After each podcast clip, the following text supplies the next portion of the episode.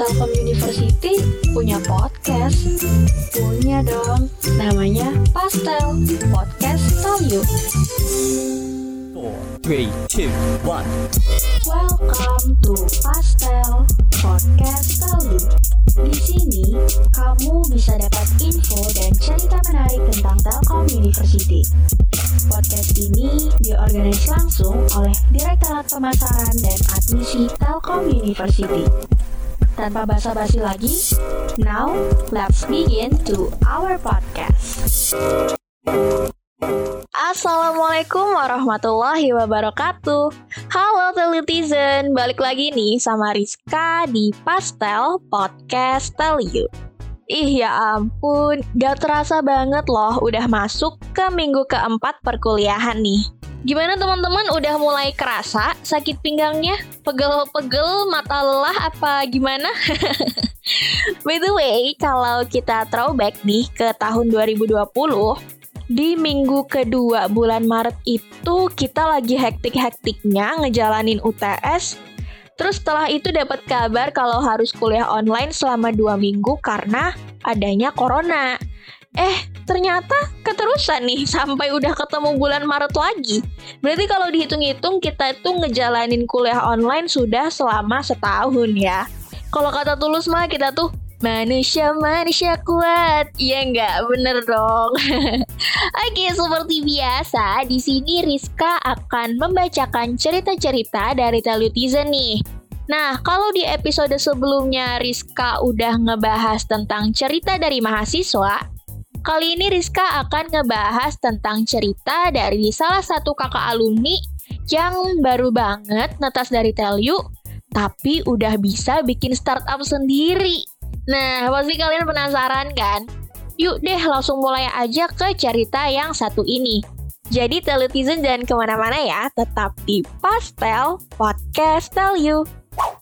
Hai semuanya, kenalin nama gue Erza Putra Albasori, Gue di sini alumni dari Telkom University jurusan S1 Sistem Informasi yang lulus pada tahun 2021.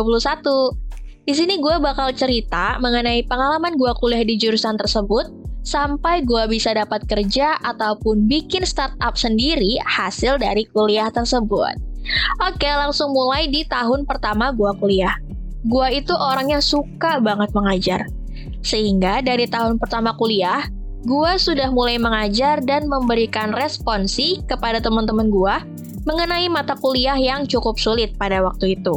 Seperti kalkulus, matematika diskrit, pemrograman dasar, dan lain sebagainya. Karena gue percaya, belajar yang paling efektif itu dengan mengajarkan ilmu yang kita tahu kepada teman-teman kita. Selain mengajar mata kuliah, gue juga memiliki ketertarikan pada pengembangan perangkat lunak atau software development.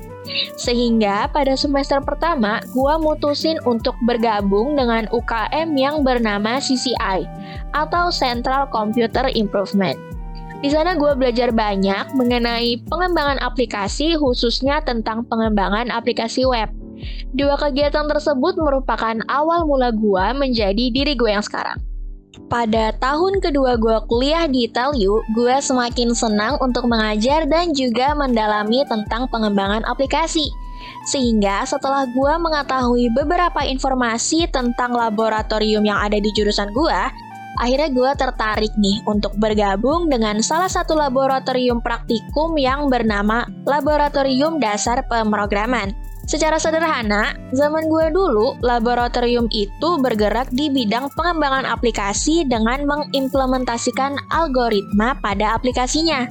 Tetapi saat ini sudah berubah menjadi laboratorium yang mengenai data science. Motivasi gue untuk bergabung di laboratorium tersebut ialah agar gue memiliki wadah untuk menyalurkan keinginan gue dalam mengajar dan juga riset mengenai kesukaan gua terhadap pengembangan aplikasi khususnya web. Alhasil, setelah mengikuti serangkaian seleksi dan rekrutasi yang cukup panjang, pada tahun kedua gua kuliah, gua berhasil untuk bergabung di Laboratorium Daspro sebagai asisten praktikum dan asisten laboratorium. Pengalaman yang paling berkesan pada saat menjadi bagian dari Daspro Laboratory yaitu gue ditunjuk sebagai koordinator asisten praktikum pada praktikum algoritma pemrograman di jurusan S1 Sistem Informasi. Pengalaman tersebut memberikan gue pengetahuan baru mengenai bagaimana cara mengkoordinir tim yang memiliki tujuan untuk membantu dari segi pengajaran pada jurusan mulai dari manajemen terhadap koordinasi meeting, pembuatan modul, pembuatan latihan soal tes yang sesuai dengan kapabilitas praktikan. Hal yang paling seru yang gue peroleh saat menjadi asisten praktikum yaitu sebagian besar waktu gue di kampus dihabiskan bersama teman-teman dari lab tersebut. Sehingga gue serasa memiliki keluarga baru atau rumah baru di Telkom University. By the way, gue tuh ngerantau dari Sidoarjo, Jawa Timur. Dan menurut gue, pengalaman menjadi koordinator praktikum itu dapat membantu gue untuk berkembang menjadi lebih baik. Singkat cerita, pada tahun kedua gue kuliah di Telkom University, kegiatan gue sebagian besar difokuskan untuk mengajar sebagai asisten praktikum dan juga mengajar di salah satu instansi bimbingan belajar di luar Telkom University sebagai kerja part-time selain kuliah. Pada perpindahan tahun kedua ke tahun ketiga, gue merasa skill gue di bidang software development sangat tidak berkembang. Karena pada satu tahun terakhir gue habiskan untuk mengajar. Hingga akhirnya gue inisiatif untuk mengikuti internship secara pribadi ke salah satu BUMN terbesar di Indonesia yaitu Telekomunikasi Indonesia atau Telkom. Tujuan utama gue melakukan internship ini yaitu agar mendapatkan ilmu, pengalaman, dan skill yang tertinggal pada satu tahun terakhir, khususnya mengenai pengembangan aplikasi. Gue mendaftar internship di Telkom Regional Surabaya sebagai front-end web developer. Namun, akhirnya gue diterima sebagai full stack web developer dikarenakan divisi khusus pengembangan aplikasi berada di head office yang ada di Jakarta.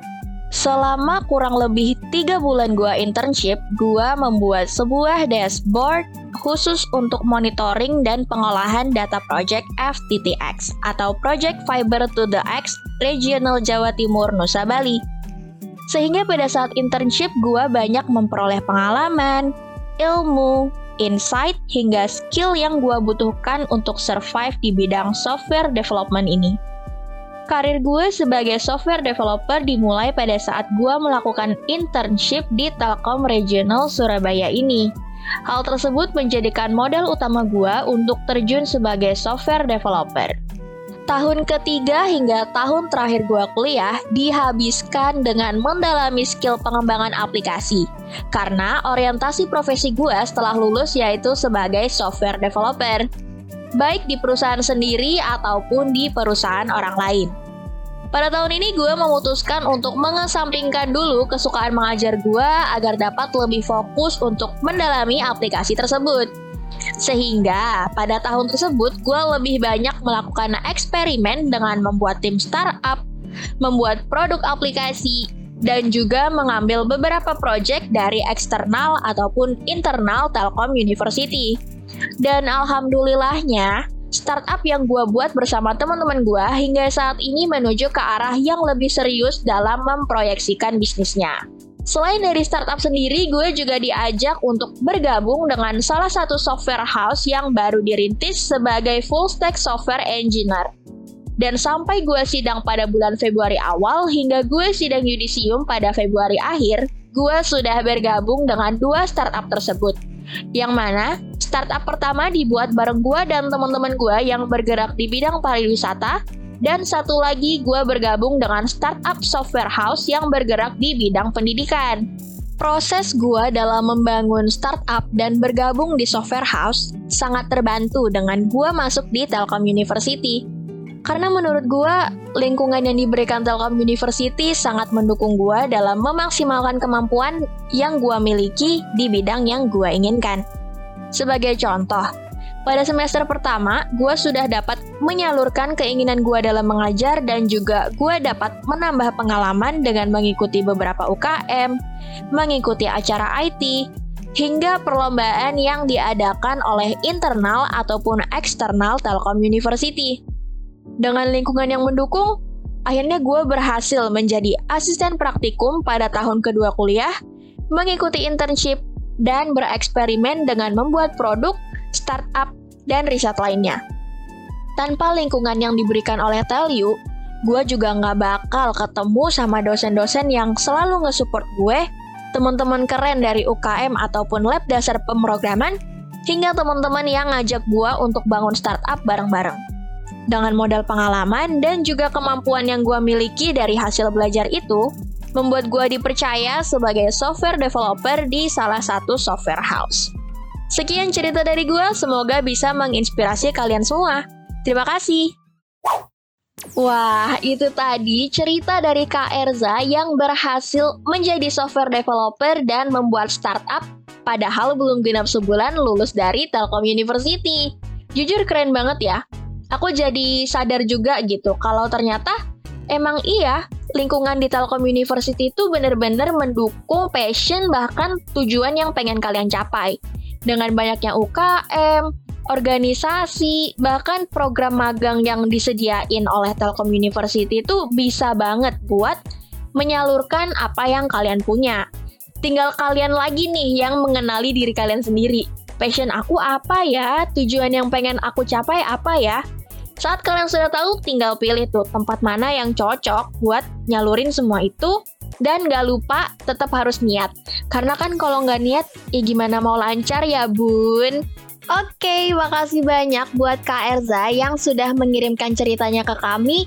Semoga karirnya lancar terus, startupnya sukses, dan semoga cerita Kak Erza ini bisa jadi motivasi buat teman-teman yang masih bimbang untuk masuk di Teliu ataupun yang pengen mengembangkan diri lebih jauh di Teliu. Oh iya, makasih juga buat Telutizen yang sudah mendengarkan sampai akhir. Jangan lupa didengarin episode lainnya, di-follow dan di-share juga ke teman-teman kalian. Untuk info lebih lanjut tentang Telkom University, udah tahu dong harus ke mana? Bisa ke website smb.telkomuniversity.ac.id atau ke Instagram at smbtelkom. Atau kalau misalnya kalian mau ngobrol-ngobrol santai nih, bisa juga ke Instagram aku di @rzkaaa.f untuk teman-teman semuanya, tetap jaga kesehatan ya di mana pun kalian berada dan semangat terus menjalani kegiatan kalian. Oke, aku Rizka pamit undur diri. Sampai ketemu di episode selanjutnya. Dadah! Gimana? Seru banget kan pembahasan tadi? Nah, bagi telutizen yang ingin share pengalaman selama berada di Telu, bisa banget loh kirim cerita kalian ke email kami di podcast@smbtelkom.ac.id atau DM ke @smbtelkom. Kami tunggu ya. Sampai ketemu di episode pastel selanjutnya. Dadah! Telkom University punya podcast? Punya dong, namanya Pastel Podcast You.